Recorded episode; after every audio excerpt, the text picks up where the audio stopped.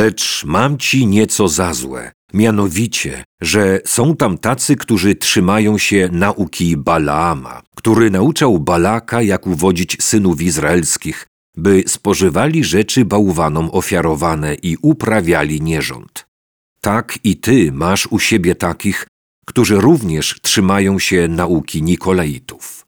Księga Apokalipsy, rozdział drugi, wers czternasty i piętnasty. Najwyraźniej niektórzy członkowie zboru w Pergamie wyznawali zasady podobne do tych, jakimi kierował się Balaam. Podobnie jak on, usiłowali namówić innych do przyjęcia ich poglądów. Fragment ten wspomina także naukę Nikolaitów. W języku greckim słowo Nikolaos oznacza tych, którzy pokonują lud, podczas gdy w języku hebrajskim imię Balaam oznacza tego, który połyka lud. Te dwa słowa, choć pochodzą z różnych języków, oznaczają w gruncie rzeczy to samo. Kiedy Balak, król Moabu, dowiedział się, że Izraelici zbliżają się do granicy jego kraju, uświadomił sobie, że Bóg Izraela jest zbyt potężny, aby można było walczyć z nim przy pomocy wojska.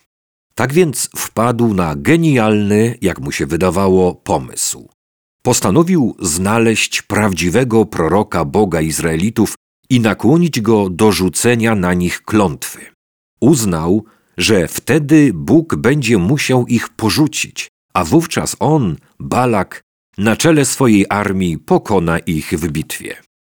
Kiedy szpiedzy Balaka namierzyli uchodzącego za proroka Balaama, Balak posłał do niego swojego przedstawiciela z przesłaniem. Król Moabu oferuje ci znaczną sumę pieniędzy za to, abyś przeklął Izraelitów. Początkowo chciwy prorok się opierał, w końcu jednak postanowił przyjąć ofertę, choć był świadomy, że w ten sposób ściągnie na siebie gniew Jahwe. W drodze do Moabu Balaam odbył słynną rozmowę z oślicą. Pomimo wyraźnego Bożego ostrzeżenia, że podąża złą drogą, pojechał dalej i usiłował przeklinać Izraelitów. Jednak zamiast przekleństwa z jego ust popłynęło błogosławieństwo. Król, który go wynajął, wpadł w gniew. Porównaj Księga Liczb, rozdział 22 po 24. Balaam odpowiedział rozgniewanemu władcy. Jestem prorokiem Jahwe i mogę mówić tylko to, co on mi nakazuje. Choć Balaam bardzo się starał, nie był w stanie przekląć Izraelitów i musiał odejść z niczym. Wówczas to on z kolei wpadł na genialny pomysł. Zasugerował Balakowi: Jeśli uda nam się doprowadzić Izraelitów do odstępstwa, Bóg ich opuści, a wtedy zostaną pokonani w bitwie.